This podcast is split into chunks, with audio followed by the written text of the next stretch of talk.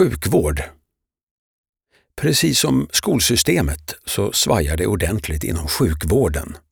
Folk bränner ut sig genom att jobba inom denna bransch och allt fler människor ifrågasätter hur systemet verkligen fungerar.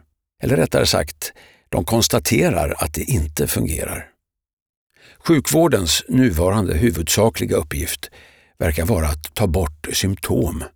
Att ta bort ett symptom och att ta hand om ett problem är två helt skilda saker. Det som borde vara sjukvårdens främsta uppgift är att fixa det faktiska problemet. Och det kanske rent av borde vara dess enda uppgift.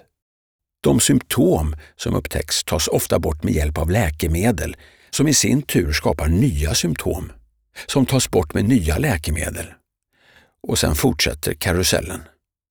Även om det är så här som ganska många fall ser ut så är det förhållandevis få som ifrågasätter detta. Dock finns undantag, vilket känns hoppfullt.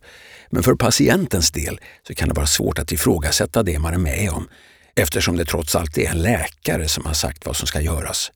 Vem vågar ifrågasätta en person som har lagt mer än tio år på att studera kroppen och som i generationer har höjts upp på piedestal på grund av sin kunskap och status? Inte så många. När man läser till läkare så är det ett faktum att det är läkemedelsbolagen som delvis utbildar läkarna och det verkar inte alls vara speciellt konstigt för allmänheten. Och vi säger inte att det är det, men uppmanar dig dock att fundera en stund på det.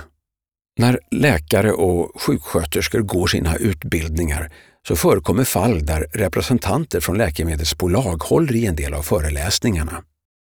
Vi talar alltså om kommersiella bolag som har ett stort intresse av att just deras preparat säljs. Är det bra eller dåligt att dessa personer utbildar den vårdpersonal som ska göra sitt bästa för att hitta bra sätt att behandla patienter på? Det kan du fundera på. Blev du provocerad av detta och kanske rent av lite irriterad? Bra, då kanske vi väckt en tanke som inte fanns där tidigare.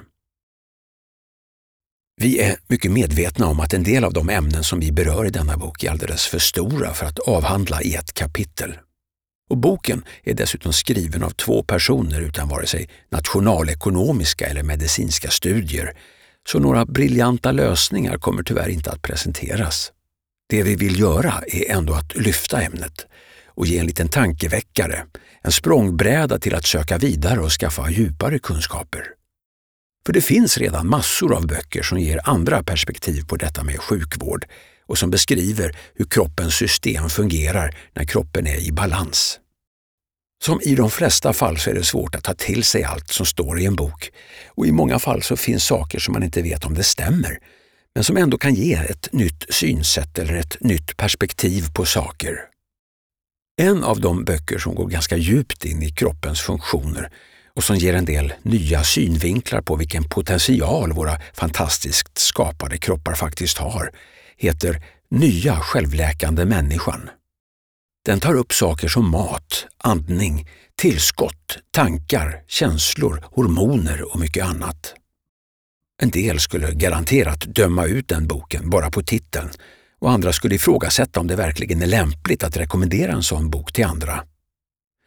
Vi är dock överens om att vissa delar av boken verkligen öppnar ögonen för hur kroppen skulle kunna fungera och hur man skulle kunna hjälpa den på traven för att fungera så bra som möjligt.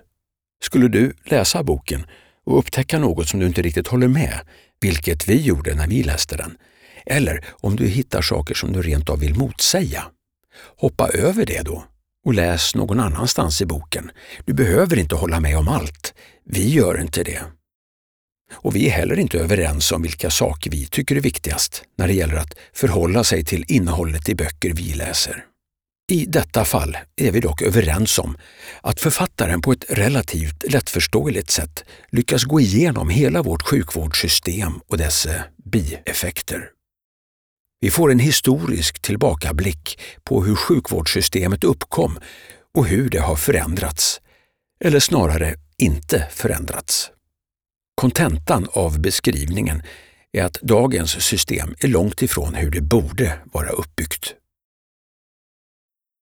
Även om vi alltså inte kommer att redovisa några direkt konkreta förslag till förändringar inom sjukvården, så tycker vi ändå att fokus bör ligga på att skapa ett system där man lägger mer på preventiv vård och hälsa än på reaktiv vård och sjukdom.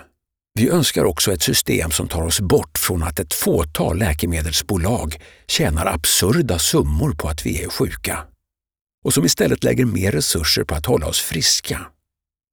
I övrigt så är vi övertygade om att varje enskild individ har möjlighet att påverka sin egen hälsa och därigenom göra sig mindre beroende av sjukvården så att de som arbetar där kan lägga det mesta av sin tid och kraft på de som är väldigt sjuka och som inte har något annat alternativ än att söka sjukvård. Om du vill hjälpa sjukvården så kan du göra det genom att investera i din egen hälsa och lära dig så mycket du kan om vad din kropp mår bra av och vad den mår dåligt av. Välj sedan bort de saker som du vet är dåligt och behåll det som är bra. Det är en riktigt bra start.